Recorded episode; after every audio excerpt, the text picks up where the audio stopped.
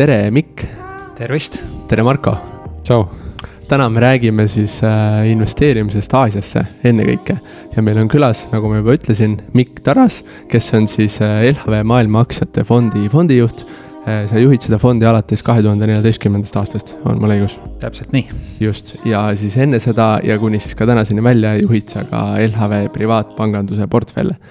ja, ja siis samamoodi sa oled äh, töötanud tegelikult LHV-s finantsturgudega seonduvatel aladel alates siis kahe tuhande kaheksandast aastast. ma mäletan seda naljandat, naljakat lugu, et äh, siis kui ma tulin praktikale teie juurde, siis sa äh, just tulid tööle, kui see Lehmani kriis vist hakkas nagu kujunema välja või ju nii-öelda Lehmani pauk tuli kohe pärast seda, kui sa olid tööle tulnud. et päris sihukene soe vastuvõtt finantsturgude maailma no oli jah niiviisi, et eh, toona sai bakalaureusekraadi tehtud Tartu Ülikoolis ja, ja tulin, tulin siis LHV-sse ise ka samamoodi praktikale, kaks tuhat kaheksa aasta.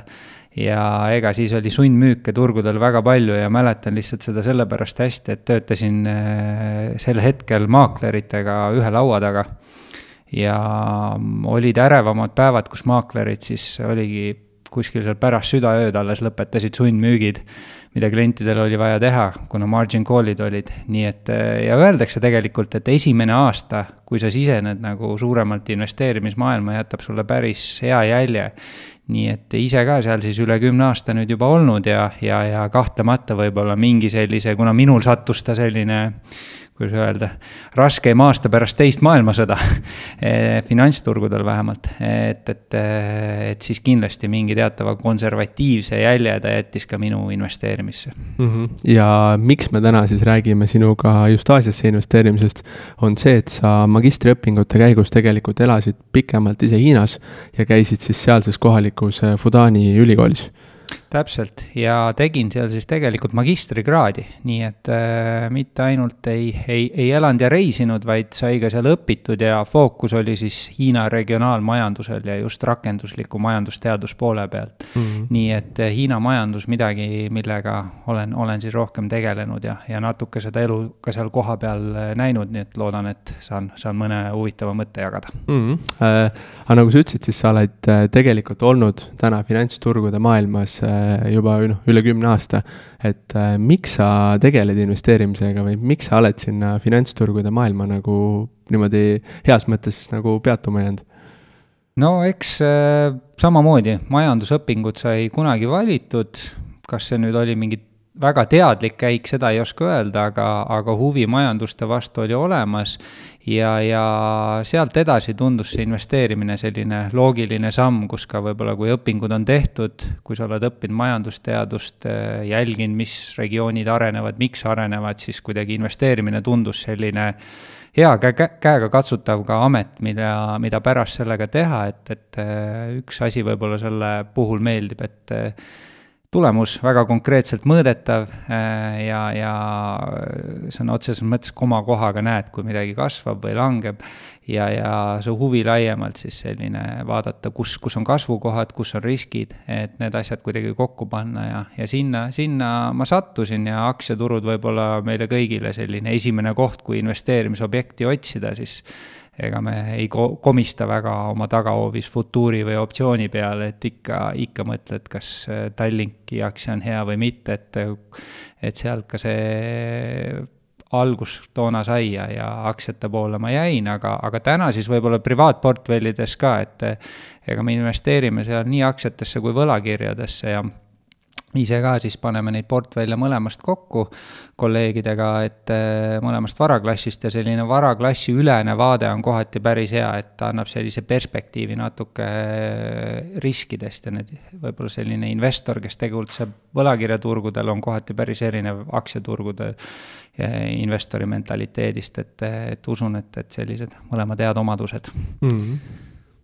kas sul on äh, investeerimine on sinu jaoks nagu sihuke protsess või sihukene nagu eneseväljendusviis või, või sul on mingisugune lõppeesmärk, nagu siin paljud räägivad, populaarne teema, finantsvabadus, et äh, kuidas sa ennast nagu suhestad sellesse konteksti? no minu jaoks ta on ikkagi selline elustiil, elu muuhulgas ka üheksast või kaheksast hommikul tööle minek ja, ja, ja, ja koju tulek, et selline rutiinne tegevus, et jah, ta on meile ikkagi kujunenud protsessiks ja eks sa oma investeeringuid juhid sama, samade protsesside alustel, et et mingit sellist eesmärki, et kuidagi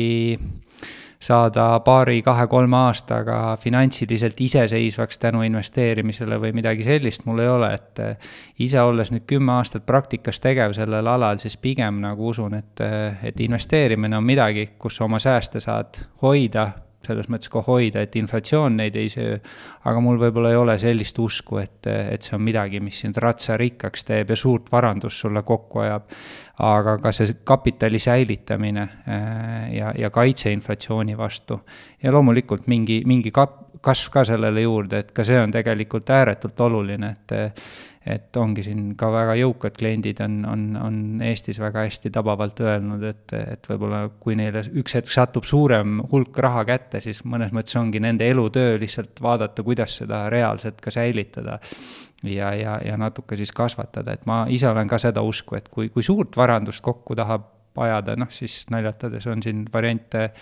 pangaröövist kuni, kuni, kuni ettevõtte alustamiseni, et, et ma usun, need on nagu teised teed, kuidas selleni jõuda, aga, aga investeerimine ääretult oluline lihtsalt, et me kõik suudaks seda teenitud säästu alles hoida ja ise, ise toimetan nii oma vahendite kui ka klientide vahendiga, vahenditega selle nimel siis. see on hästi öeldud, et, et see on isegi nii hästi öeldud, selle peaks eraldi välja lõikama ja, ja uuesti ette mängima. aga rääkides sellest, et ähm, et sa ise ka investeerid, jagad meiega, milline on sinu portfelli tänane ülesehitus? no ise olen siis samamoodi aktsiate poole rohkem kaldu olnud ja, ja võib-olla vaadanud selliseid eh, noh, ma ei ütle, konservatiivsemaid, aga rahulikumaid aktsiaid, millel on ka mingi dividenditootlus või hea vaba rahavoog, investeerib siis seda kasvu, aga selliseid väga äkilisi ideid ei, ei ole nagu väga armastanud. ja, ja sinna juurde ka mõned võlakirjad ja, ja võib-olla rohkem just siitsamast Balti turult, et eh, võlakirjad oma varaklassina võib-olla on natuke raskemini kättesaadav eh, ka väiksemate summadega investeerides, siis, siis eh, ongi, et siin Baltikumis olen, olen vaadanud, et täitsa huvitavaid võimalusi, mida, mida nii portfellides kui ise olen ka oma rahaga olen kasutanud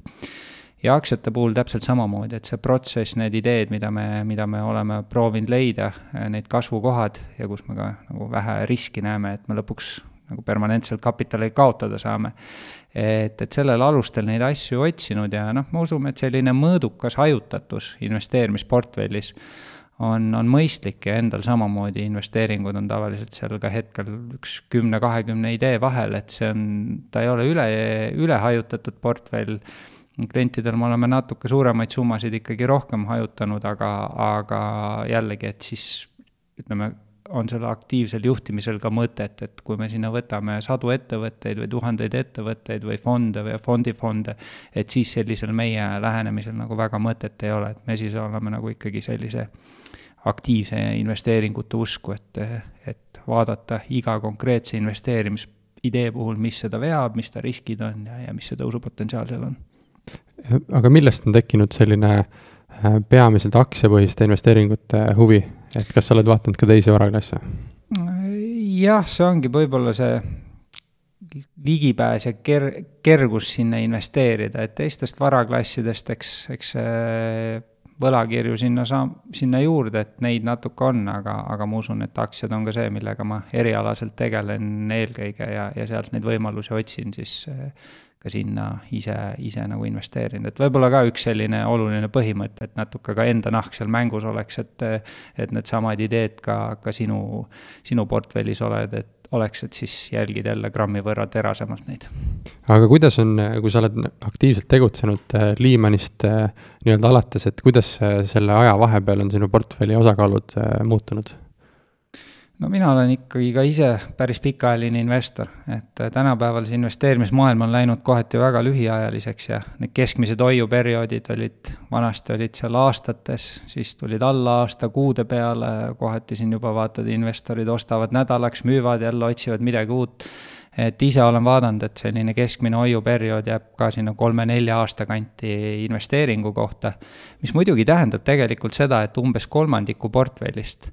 aastas ikkagi saab ümber vaadatud, et seda ei ole vähe, kui, kui nii mõelda, et, et ikka mingid ideed muutuvad, mingid asjad realiseeruvad äh, ja mingid asjad lähevad niipidi, nagu sa ei oota, neid siis vaatad ümber. et sellist väga aktiivset kauplemist äh, ise ei rakenda, kuna ei usu ka, et kolme või kuue kuu lõikes oleks mingit kristallpalli, et neid turuliikumisi väga kergelt ette näha. et pigem ikkagi niiviisi mõned aastad rahulikult hoida mingit ideed, vaadata, kas see tees mängib ennast välja, miks sa oled selle investeeringu valinud.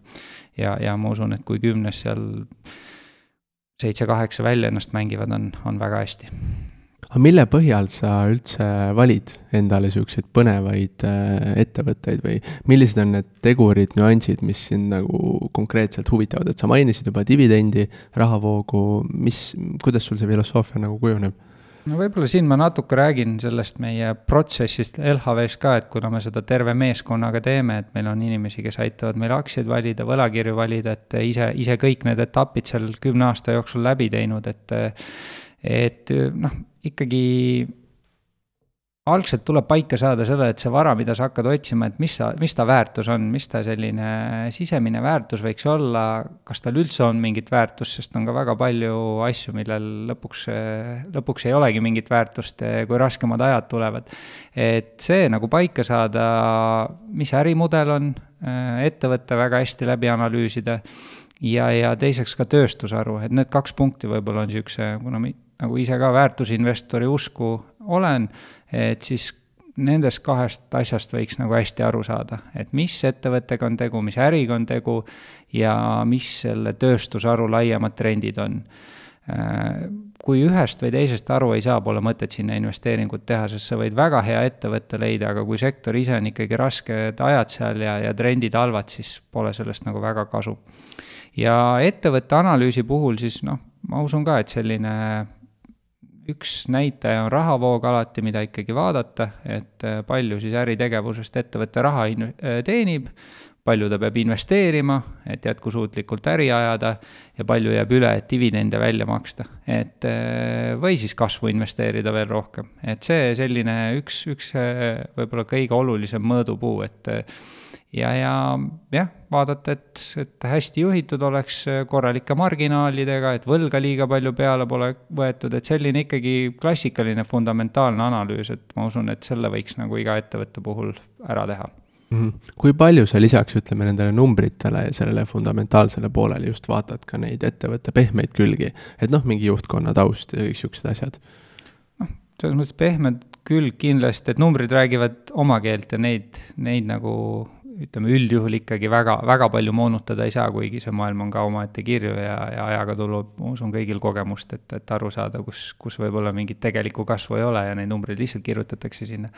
aga ikka jälgin ja, ja, ja noh, võtame juhtkonna ka, et seal nende puhul näiteks noh, muidugi öeldakse, et hea äri võiks olla selline, et sõltumata juhist äh, ta ikkagi püsib vee peal ja on jätkusuutlik aga noh, mõned sellised baashügieeni tingimused, et et, et tõesti ei oleks seal mingisuguste pettustega seoseid või mis iganes niisugust siseinfo kasutamist või niiviisi, et börsiettevõtetel on, on infot väga palju ja saab, saab kõiki detaile guugeldada, et et, et noh, et juhtkond ise oma prognoose täidaks, et nad saavad ise oma ärist ikkagi, oskavad seda ette näha, et, et niisugused asjad võiks, on, on nagu head märgid. aga üld, üldjuhul jah, et, et võib-olla selline pigem nagu numbreid vaadata ja, ja loomulikult, kui sa selle hea ettevõtte oled üles leidnud, on see mingi hea turuliider või hea kasvukohaga koht, siis ega lõpuks pead ikka vaatama, mis sa börsil selle asja eest maksad ka, et selle jaoks ma usun, meie analüütikutel läheb ka väga suur osa, et, et, et aru saada, et mis see mis see mõistlik hinnatase oleks sellise varaklassi eest, et see on nagu üks, üks kõige, kõige raskemaid eh, kohti, et vaadata seal neid suhtarve, hinnata, võrrelda tööstusharu teiste ettevõtetega.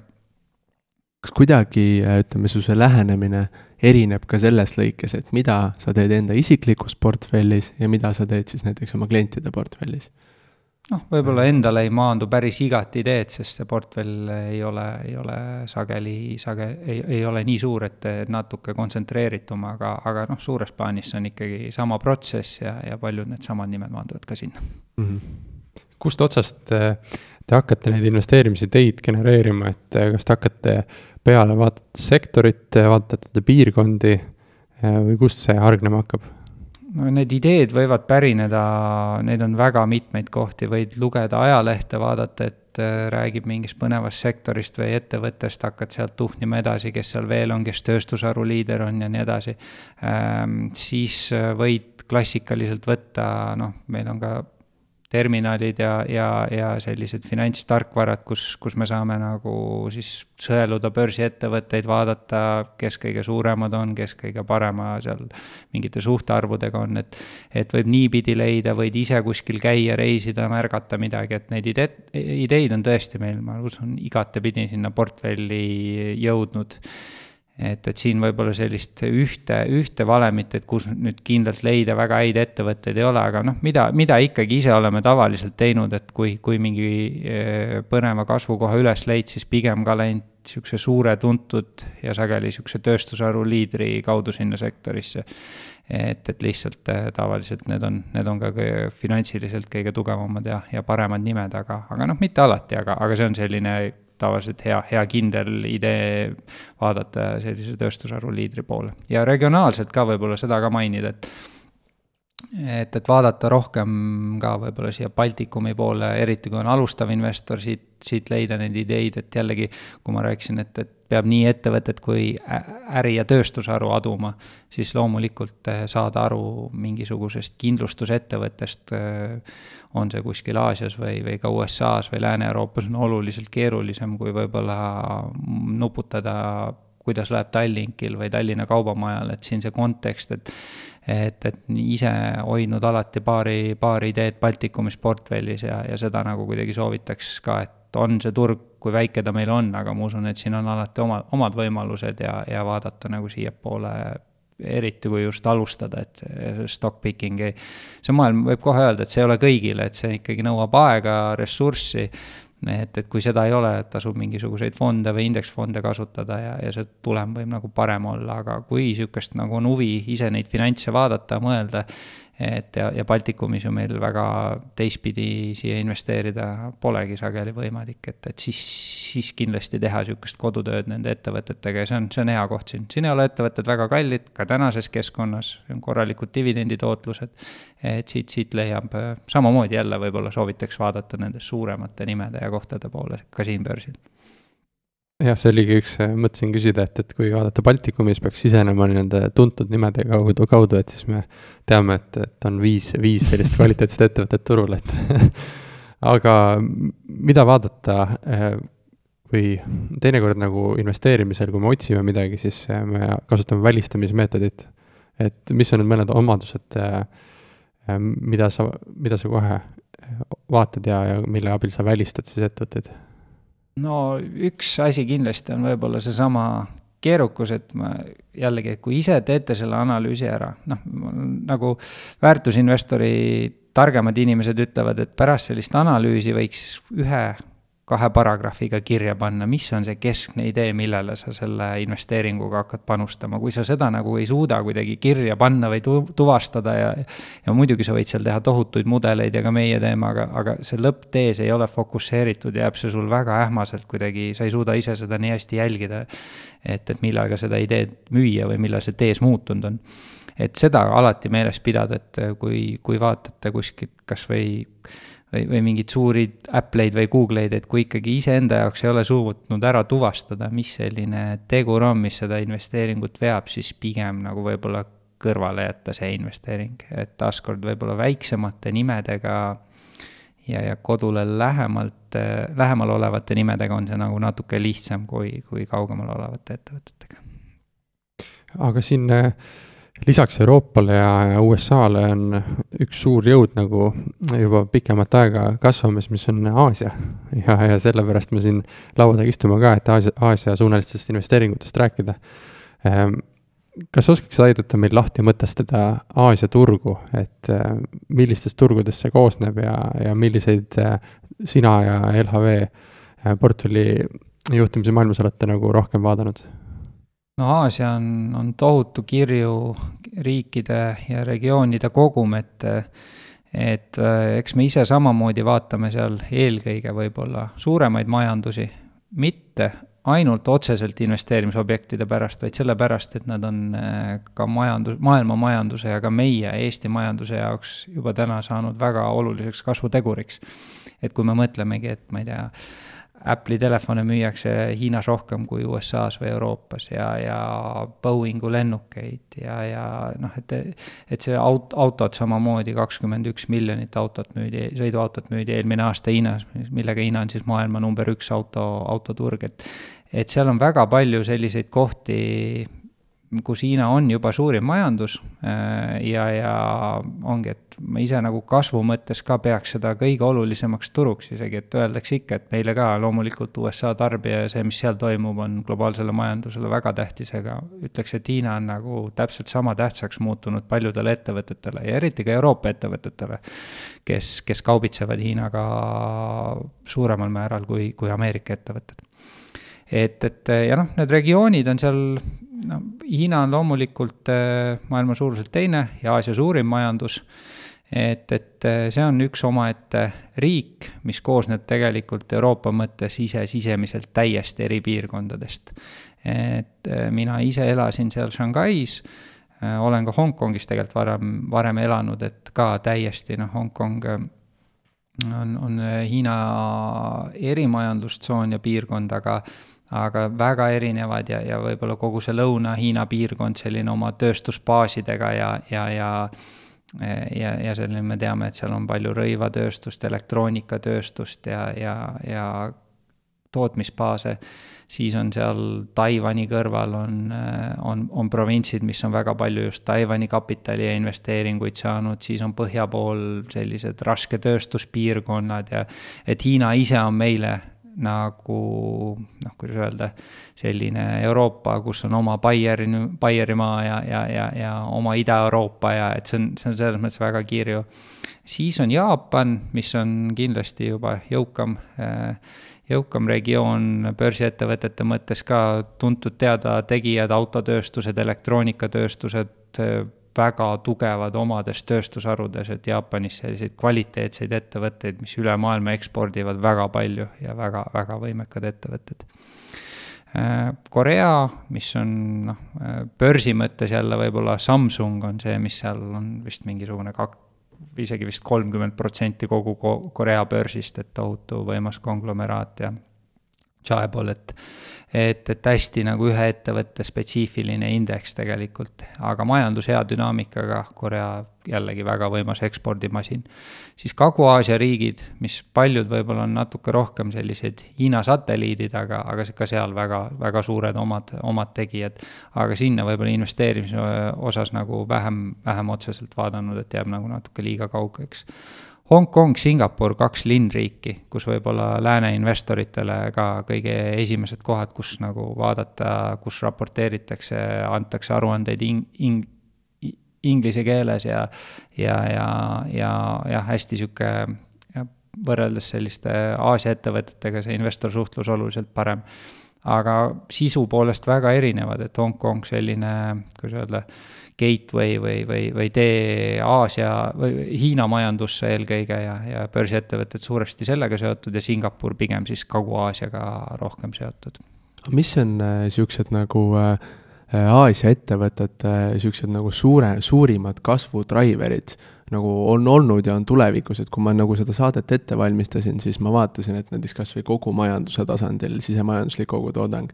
on nagu oodatavad kasvunumbrid on nagu Aasia ette, Aasia riikidel palju äh, suuremad, oluliselt suuremad kui näiteks USA-l või juhtivatel Euroopa riikidel. et mis see nagu driver on äh, Aasia ettevõtetel, miks neist oodatakse nii palju kasvu, mis seal nagu juhib seda asja? No eks see on suuresti, see suur plaan on ka demograafia ja rahvastik ja tohutu suur siseturg. Ja, ja noh, võtamegi selle Hiina, siis eks see on üks suur majandusime, mis seal tegelikult kolmekümne aastaga on toimunud, et sul on miljard inimest toodud vaesuspiirist välja, miljard inimest, et ja me räägime kolmekümnest aastast, et et see on see ja miks, miks seal see toimub, on tegelikult noh, esiteks paljud Aasia majandused tulevad väga madala baasi pealt ja, ja, ja seal ei ole palju teha, vaja, vaja teha, et, et majandust kasvatada, sul on vaja, noh, võtame Hiina näite, nad on avanud oma, oma riigi kaubandusele saad, saanud ära kasutada oma, oma tohutut tööjõumassi, mis seal on olnud ja, ja, ja industrialiseerida, pannud tehased püsti. Nad on,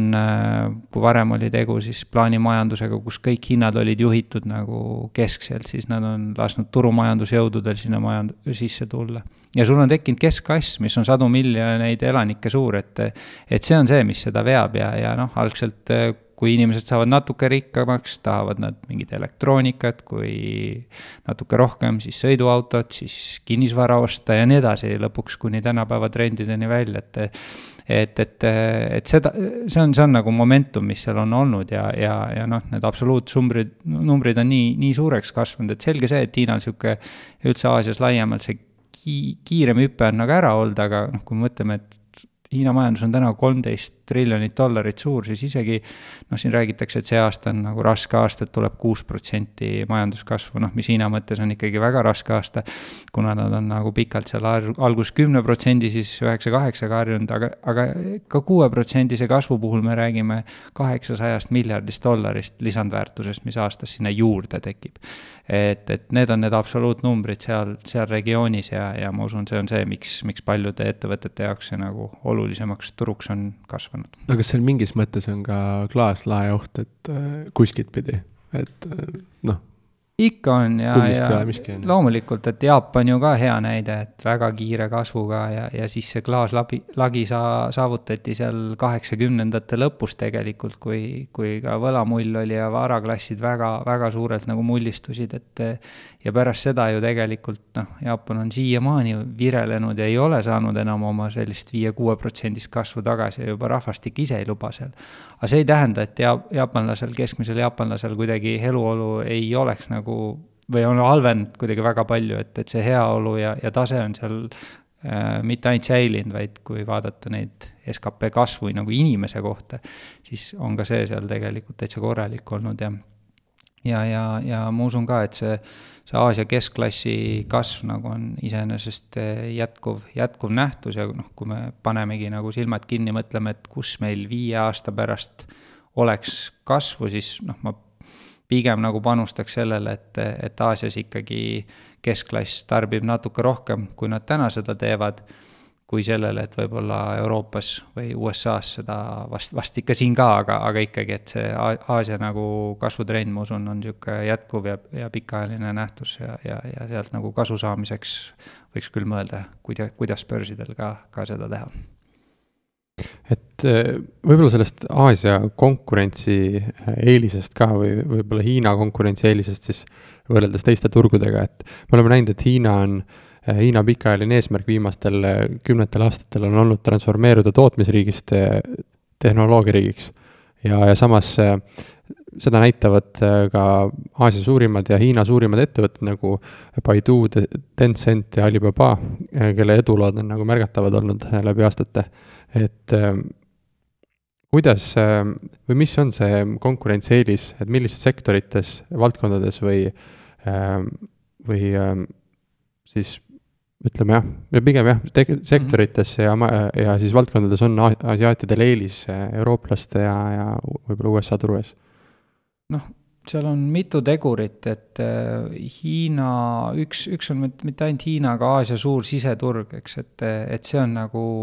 lisabki, tekitabki sul juba skaalaefekti, miks, miks paljud ettevõtted, noh, seda ka Steve Jobs on, on öelnud enne, kui ta lahkus, et et, et tegelikult on peaaegu võimatu täna viia Apple'i tootmist ikkagi USA-sse tagasi, et me räägime seal tehastest, kus töötab nelisada tuhat inimest, et noh, niisuguseid asju panna nagu kuskil mujal maailmas püsti on, on ääretult äh, raske ja, ja kui mitte, siis noh no,, nagu ta ütles, võimatu. et, et äh, see on nagu üks, üks loomulikult, et see suur rahvamass, äh, keda saab nagu rakendada, hiinlased on töökad võib-olla seal ei ole kõiksugu standardeid, nagu me läänes oleme harjunud, et, et, et nad, nad on valmis töötama sageli rohkem, äh, rohkem ja, ja kauem ja vähesemate tingimuste eest, et, et, et siis on seal noh, ma usun, et võib-olla selline finantssüsteem ka väga oluline, et Hiinas on, on selline hoitakse raha hinda suhteliselt odavana, sääste neil on, äh, riik hästi palju sekkub, äh, jagab kapitali, see ei ole ainult Hiinas, vaid see on Aasia mud-, kasvumudelites laiemalt, et see riigi tugi on tegelikult seal alati ka teistes majandustes olemas olnud, täna vähem, aga ajalooliselt need kiiremad arenguetapid on alati toimunud sellega, et see riik on päris palju sinna sekkunud, on need Chaebolid Koreas või, või Jaapani tööstuskonglomeraadid, et et hästi palju on, on sekkutud, aga miks, miks ma nagu noh, riigi sekkumine iseenesest ei ole pigem midagi nagu positiivset majandusarengu mõttes, aga miks asiaadid seda õigesti teevad, on see, et nende fookus on hästi palju eksportturgudel ja see distsipliin, et kui sa ei suuda eksportida, siis me tõmbame sult selle juhtme tagant välja ja vaatame, anname kellelegi teisele ja proovime teist aidata, kes suudab. et see on nagu, ma usun, neile hoid selle distsipliini nagu väga hea, et nii Kagu-Aasia arenenud riikides Korea, Taiwan, äh, Jaapanis kui ka nüüd äh, Hiinas, et, et, et selles mõttes see, see fookuskoht on äh, õige olnud. aga võib-olla jah, need kasvukohad ka, et, et ongi, et seesama tehnoloogiasektor, kõik see keskklass, kes sellest nagu kasu saavad, et, et see on üks koht, aga teiseks võib-olla ongi needsamad tööstusettevõtted, mida, millega nagu lääne ettevõtted ei suuda nagu väga hästi konkureerida. et jah, noh ongi, et võtame näiteks äh, rongitööstuse, siis äh, me teame, et siin läänes olid meil head suured tegijad nagu Siemens ja, ja teised, et et nüüd vaatamegi, et äh, maa, pool maailma kiirrongidest toodetakse Hiinas, sellepärast et neil on omal maailma suurim kiirrongivõrgustik, ka ise elades seal, noh, ongi, et on nagu meil on lennu, lennujaamade võrgustik ja lennukipark, et seal on see kiirrongi võrgustik sama võimas, tuhandeid kilomeetreid ehitatud ja, ja ja, ja toimib nagu väga hästi, et seda massi liigutada, et noh, mingid kohad, kus neil on nii suur siseturg, nad on selle tehnoloogia ära õppinud ja väga kiirelt, et mäletan ise käisime siin ühel Soome tööstusettevõttel külas, kes ka suhteliselt kompleksset asja teeb ja ütlesid ka, et kui Hiinas tehase avasid, siis vist oligi niiviisi, et eh, kuu-kaks ja nii-öelda kohalik see juhtkond ja, ja inseneride punt eh, õppis selle asja selgeks ja, ja said väga kergelt ise hakkama eh, ilma, ilma nagu abistamata, et, et see hiinlased väga, väga kiirelt oskavad õppida ja ja, ja, ja võib-olla noh, see patendivõrgustik ja kõik ka neil ei ole nii, nii reguleeritud ja, ja kogu see kopeerimine, et, et see teeb selle nagu natuke lihtsamaks,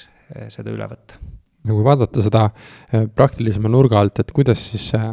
investorina ja, ja võib-olla rohkem väikeinvestorina sellest kasu lõigata saab? no mina ei tahaks nagu väga palju julgustada kedagi nüüd sinna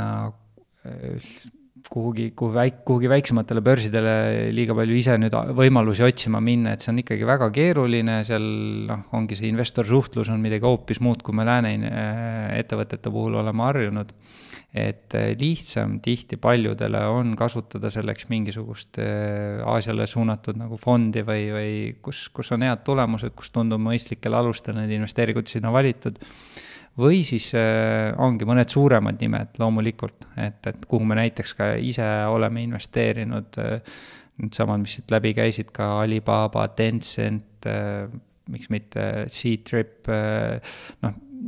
jällegi USA-s küll noteeritud, aga, aga Hiina siseturule praktiliselt täielikult äh, suunatud ettevõtted ja, ja ongi, et saavad kasu just sellest nagu huvitavamast poolest hetkel Aasia majanduses, et võib-olla mingid minevikutrendid, noh, siin vahepeal kümme aastat tagasi olid toormed väga kuum teema, et Hiina ehitas ja tegi oma infrastruktuuri, kinnisvara buum. et äh, olid need Austraalia kaevandused või mis iganes, liikusid väga hästi selle peale. et täna võib-olla ongi see faas on nagu ära tehtud ja, ja seal need kasvumäärad on nagu väiksemad. ja just see, mida nagu selline kasvav Hiina kesk, keskklass võiks tahta ka võib-olla rohkem reisida e-kaubanduses osta mugavamalt asju ja Hiina, Hiina tehnoloogiaettevõtted on väga, väga kasutajasõbralikud ja hästi arenenud ja tohutu võimsad, et ka ise sai, sai neid kasutatud ja ja kohati vaatadki siin Amazonis proovid midagi osta, siis ma ei tea, loed seal neid review sid, vaatad tootepilte, oluliselt kehvemini üles ehitatud kui näiteks Tmall või Taobao, siis Alibaba suured platvormid, et et nad on, nad on võimekad, neil on kasutajabaas Alibabal näiteks oli viimases kvartalis, said seal vist kolmkümmend viis miljonit uut aktiivset mobiilikasutajat oma e-poodi juurde.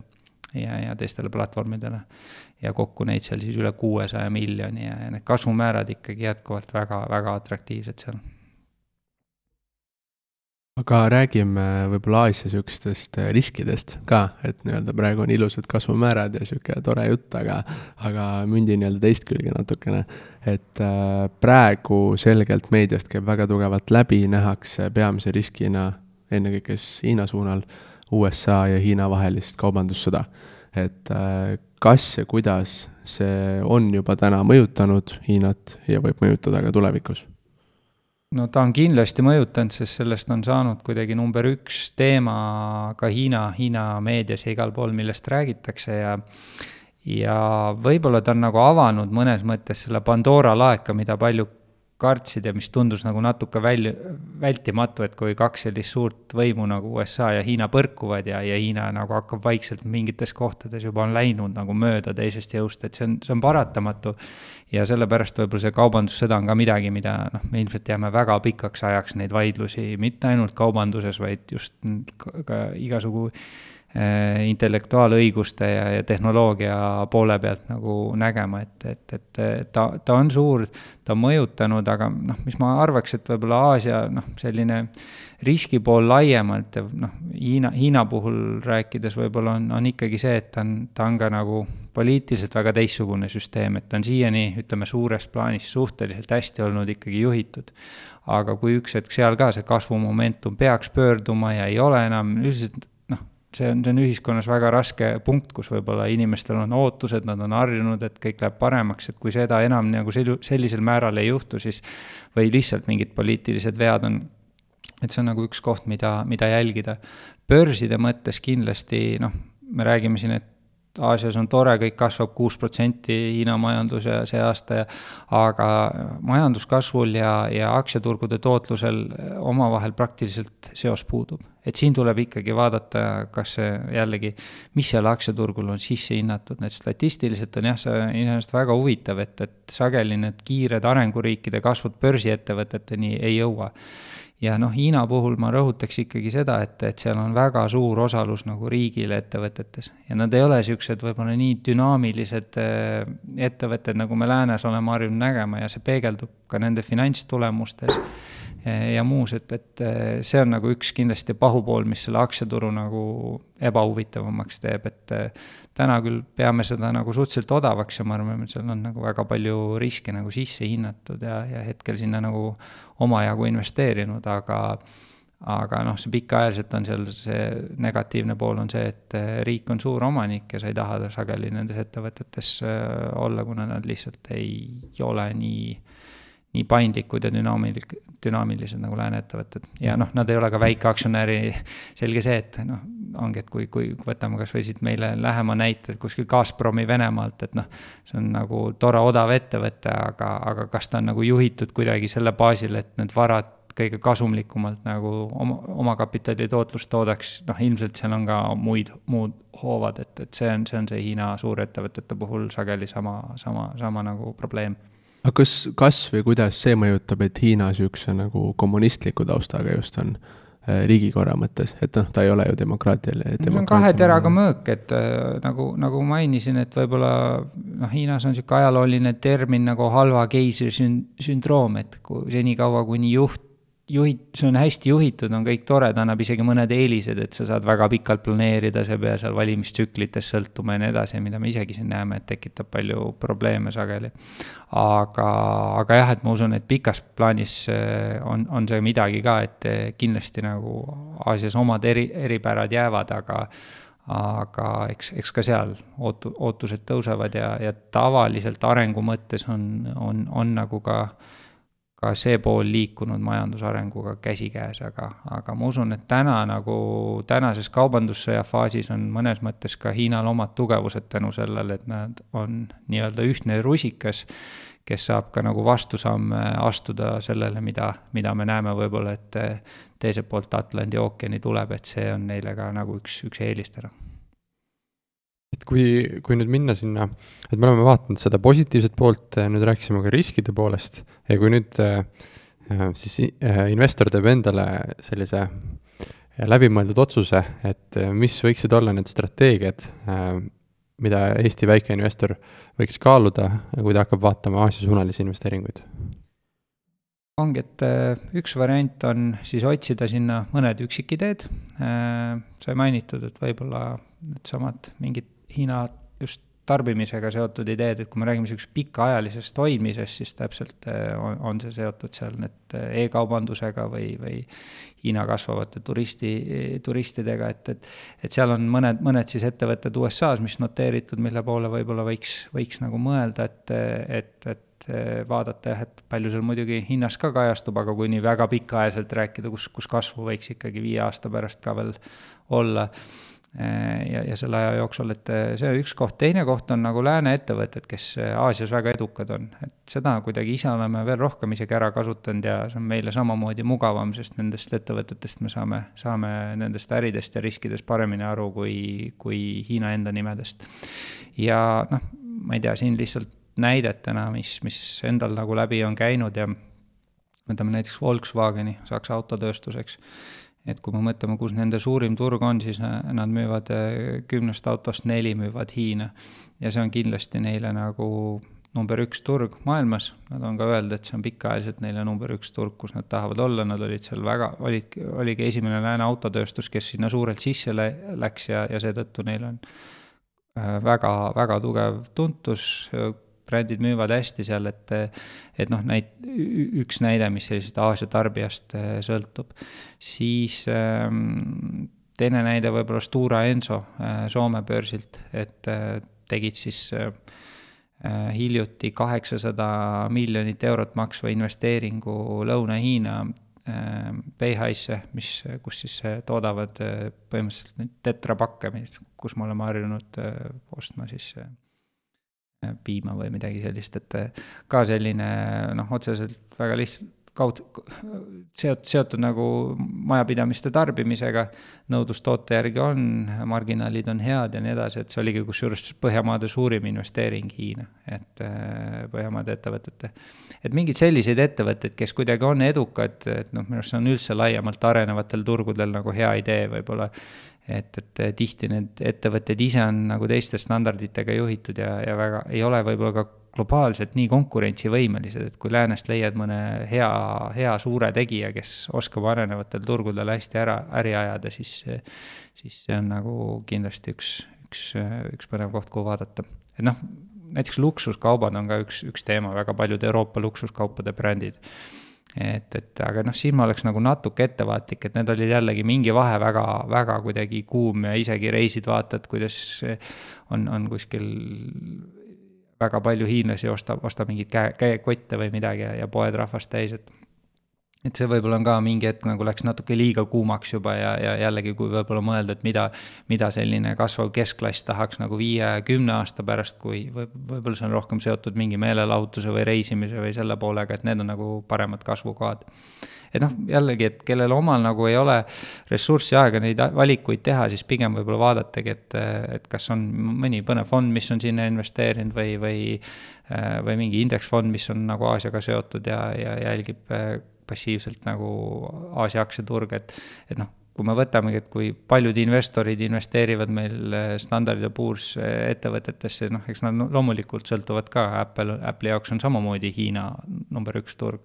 et, et ka seal on see kaudne seos olemas, aga kui me võtame nagu maailma aktsiaturgude indeksi tervikuna, siis äh,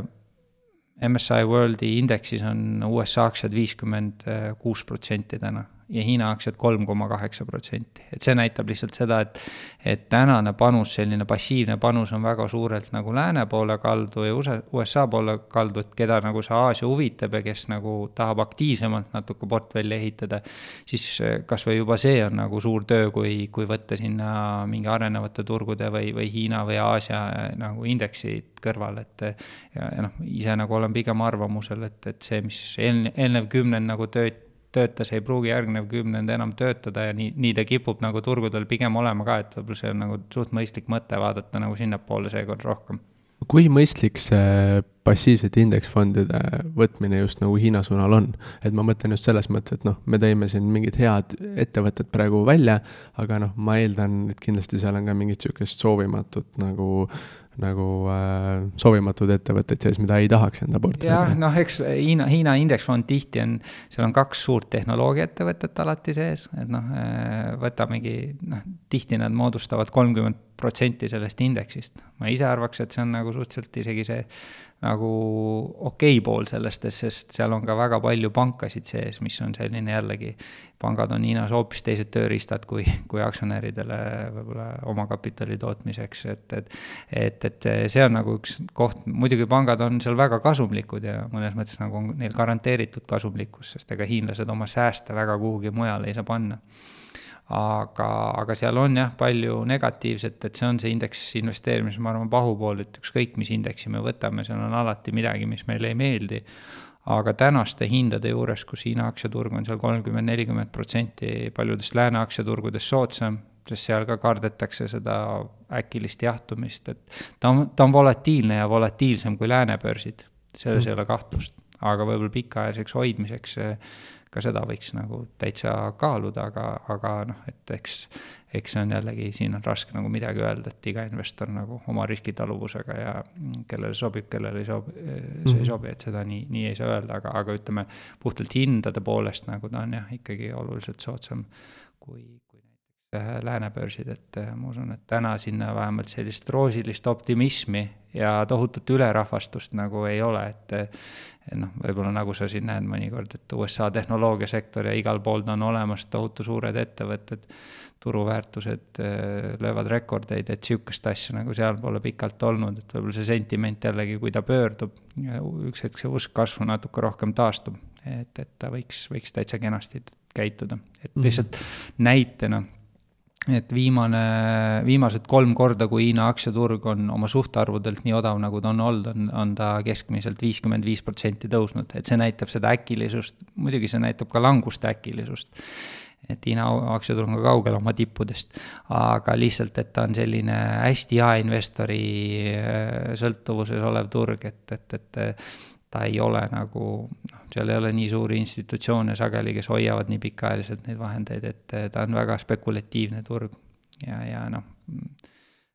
hästi, hästi nagu tasub kuidagi vaadata ka, et, et kuidas see sentiment seal ikkagi on, et kas parasjagu need aktsiad hakkavad populaarseks muutuma või mitte, või, või, või on seal juba see äkiline tõus ära olnud, sest seal on see kaotus ja langusruum ka ikkagi väga suur. Kui sa ise oled enda portfelliga investeerinud Aasiasse või Hiinasse või siis äh, LHV klientide portfellidega, et kuidas sa oled nagu lähenenud, et kas oled äh, üksikute aktsiate poole vaadanud rohkem niisuguse komplekssemate fondide poole või oled just lähenenud, teinud seda nii-öelda, et sa investeerid ettevõtetesse, mis saavad suures osas kasu Hiina arengust siis? No meie kasutame pea täielikult üksikettevõtteid, sest see on meie lähenemine, meil on muidugi selleks terve meeskond, kes, kes aitab neid aktsiaid nagu otsida ja noh, su-, mitte ainult otsida, aga investeerimise puhul tohutult oluline protsessi osa on selle investeeringu jälgimine, kvartali tulemuste analüüsimine, vaadata, et millal see tees muutub, kui kallis see hind on et, et, et selleks kõik me, me pigem ise oleme nagu eelistanud neid konkreetseid üksikaktsiaid, aga ega meil ka samamoodi ta nüüd ei ole midagi, mis enamus portfellist moodustaks, et et kui ma rääkisin, et siin võib-olla selline kahekümne, kolmekümne ideega on nagu mõistlikult hajutatud portfell õpikutarkuse järgi, siis, siis kui sealt nagu kaks-kolm Hiina ideed leida, ma arvan, et see on, see on nagu isegi täitsa, täitsa korralik osakaal mm. -hmm aga räägiks äkki meelelahutuslikus võtmes natuke ka huvitavatest äh, Aasia-suunalistest investeeringutest, mida sa oled äh, ise teinud, äh, oled näinud või analüüsinud? ohoo ähm,, noh, eks, eks on igasuguseid seal vahe, üks vahe oli nagu igakuiselt tuli jälle seal välja mõni selline short seller või, või analüüsimaja, kes